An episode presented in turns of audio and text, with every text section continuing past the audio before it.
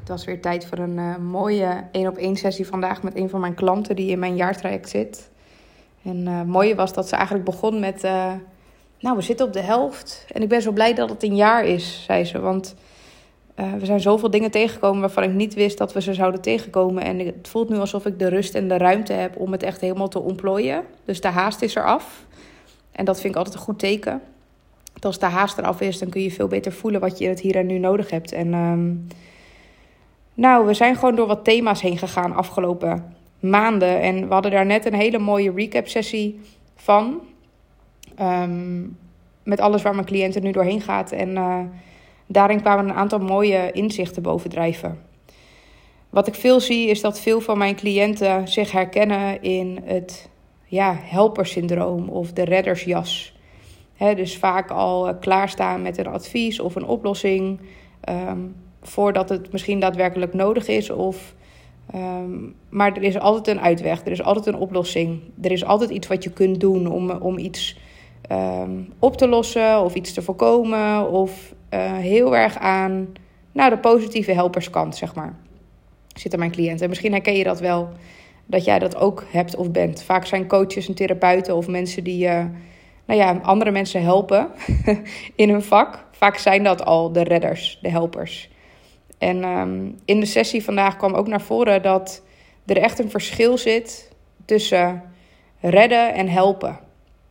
Redden gaat echt over, voor mij in ieder geval, over dat je een ander probeert te redden van een bepaalde situatie waar hij of zij in zit. Dus iemand heeft het niet leuk in zijn werk of iemand loopt tegen een probleem aan en jij komt gelijk met een oplossing.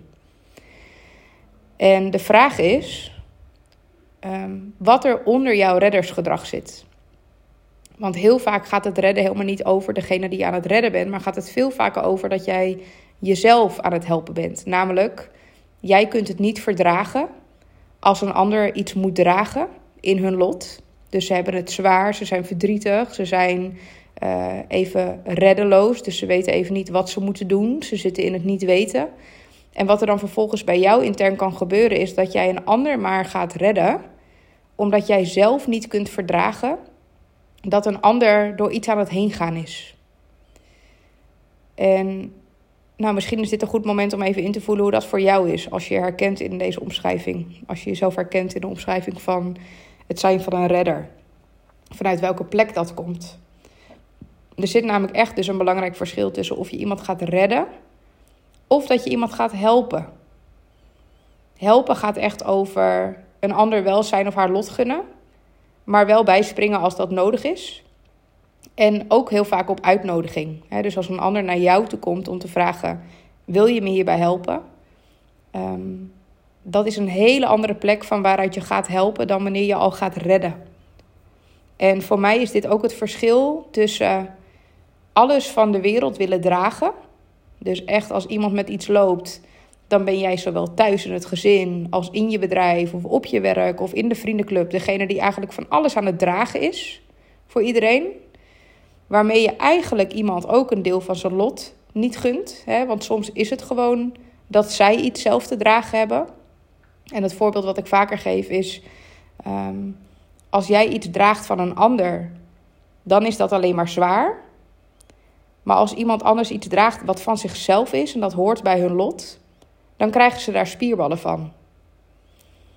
Dus het kan zomaar zijn dat jij soms iets aan het dragen bent wat niet bij jou hoort. En dat uit zich ook vaak in fysieke klachten. Hè? Dus eh, nekpijn, rugpijn of andere dingen die opkomen. Vaak, ik geloof daarin, in de betekenis van fysieke klachten. Dat het heel vaak is dat je te veel bezig bent met iets wat niet voor jou is. Dus je bent of te veel aan het trekken, of je bent te veel aan het dragen. Uh, of je hebt daar te veel stress van. En dat heeft gewoon zijn weerslag op jouw lijf. Dus die geeft als het ware een signaal van: hé, hey, het is nu even genoeg. Ga even aan jezelf denken. En op het moment dat je dus besluit van: hé, hey, wacht eens, ik heb dus een keuze. Ik hoef niet altijd meer te redden. Ik kan gewoon even een stilte inlassen, even ruimte nemen. Dan krijg je ook de mogelijkheid om vervolgens te gaan verdragen dat een ander het zwaar heeft. En dit is belangrijk. Dit is echt belangrijk wat ik nu ga zeggen. Want er zit een verschil tussen iets dragen voor een ander of verdragen dat een ander het moeilijk heeft. wanneer je iets gaat dragen voor een ander, dan gun je een ander zijn lot niet. Want jij lost alles op en je hebt voor alles een haakje en voor elk probleem een oplossing. Terwijl als jij kunt gaan verdragen dat je het niet hoeft te weten, of dat jij het niet kunt oplossen, maar dat je dan vervolgens dus moet, ook moet gaan verdragen of leren verdragen dat een ander het even moeilijk heeft. En systemisch gezien is dat soms heel ingewikkeld, want als het iemand in je familiesysteem is die het moeilijk heeft, dan kan het ook zomaar zijn dat jij voor jouw gevoel niet gelukkig mag zijn. dus als een ander het zwaar heeft, mag ik dan nog wel gelukkig zijn? Er kan echt ontzettend veel schuldgevoel opkomen. Maar wanneer je gaat oefenen met dat gedrag en eigenlijk nog voordat je je gedrag überhaupt gaat veranderen, veranderen met de bewustwording van hé, hey, vanuit welke plek ben ik nu eigenlijk aan het redden? En je gaat vervolgens dus zien van ik heb dus een keuze. Ben ik er anderen aan het redden omdat ik het zelf niet kan verdragen dat diegene een zwaar lot heeft? Of ben ik echt een ander aan het helpen? Omwille van die ander, niet om mijn eigen leed te verzachten. Of het ongemak te verzachten van de stilte, van het niet weten. Wanneer je dat eenmaal inziet en je weet dus, hé, hey, ik heb hier een keuze. Waar ik normaal gesproken altijd rechtsaf ga en gelijk ga redden en in de actie schiet.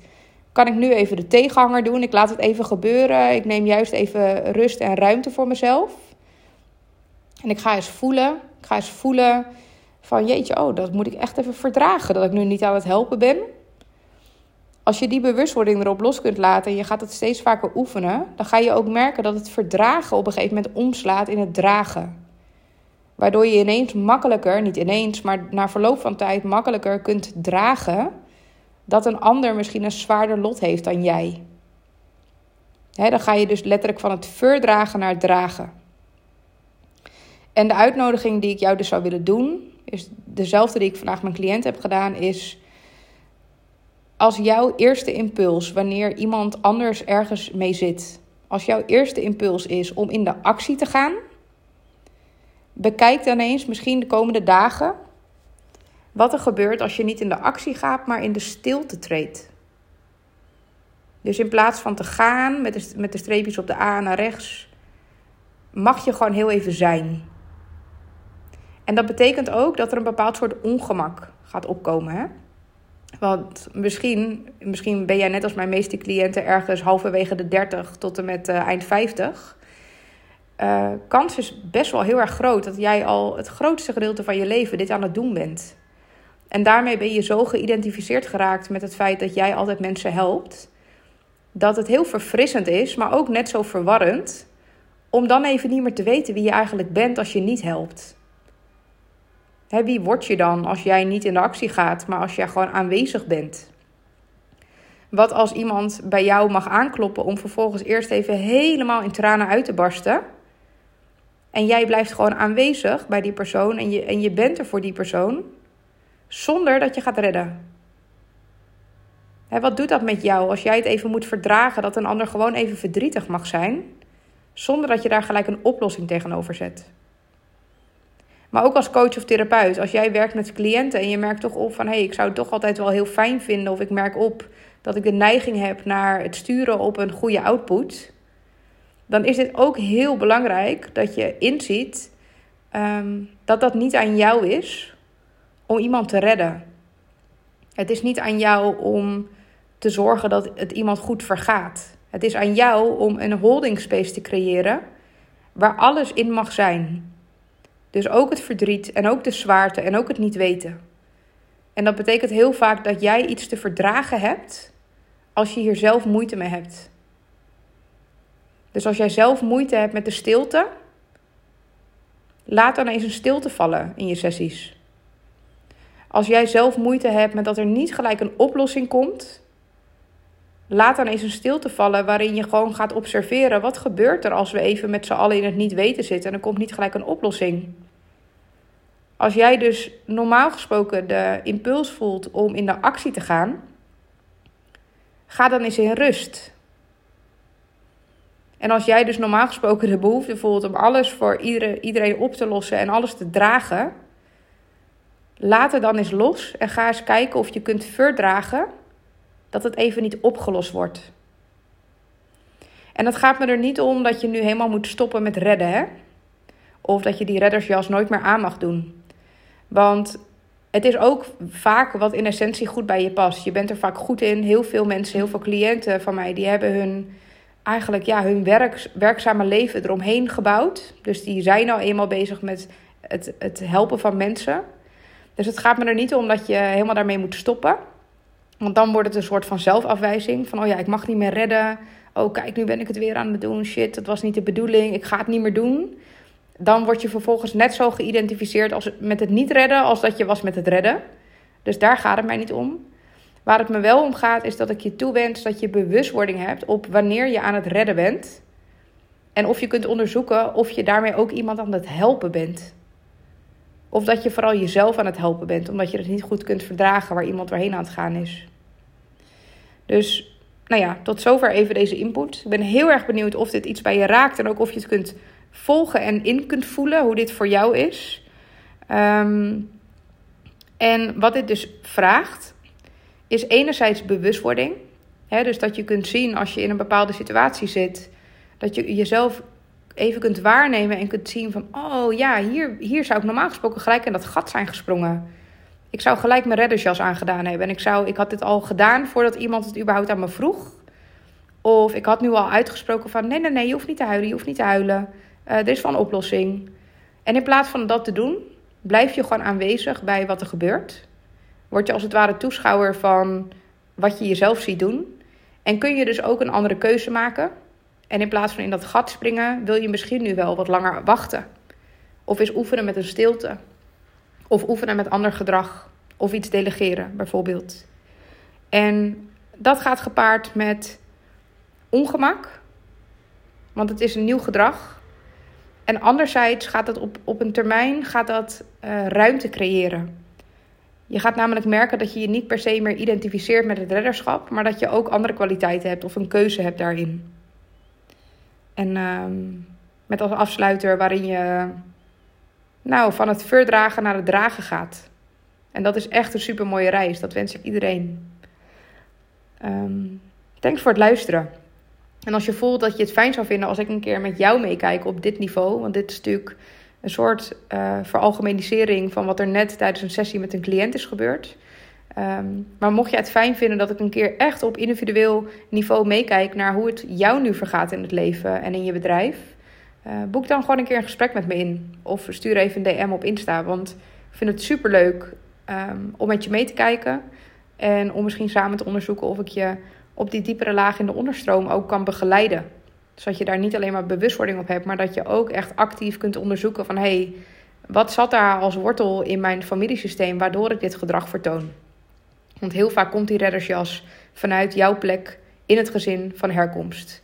En dat betekent dat als je aan de bovenkant probeert je gedrag te veranderen en niet meer de redder te zijn of daar bewustwording op te hebben, maar het lukt je niet, dan kan dat kloppen omdat het eigenlijk als het ware is alsof je onkruid boven de grond aan het wegknippen bent.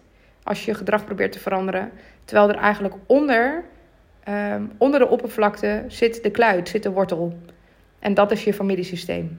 Dus als je voelt dat je daaraan wil werken, omdat je acties in het hier en nu gewoon niet per se het gewenste resultaat bereiken, of omdat je je niet vervuld voelt, niet gelukkig, je een gevoel van onrust ervaart of haast, ja, dan, dan eh, moeten we denk ik daarnaar kijken.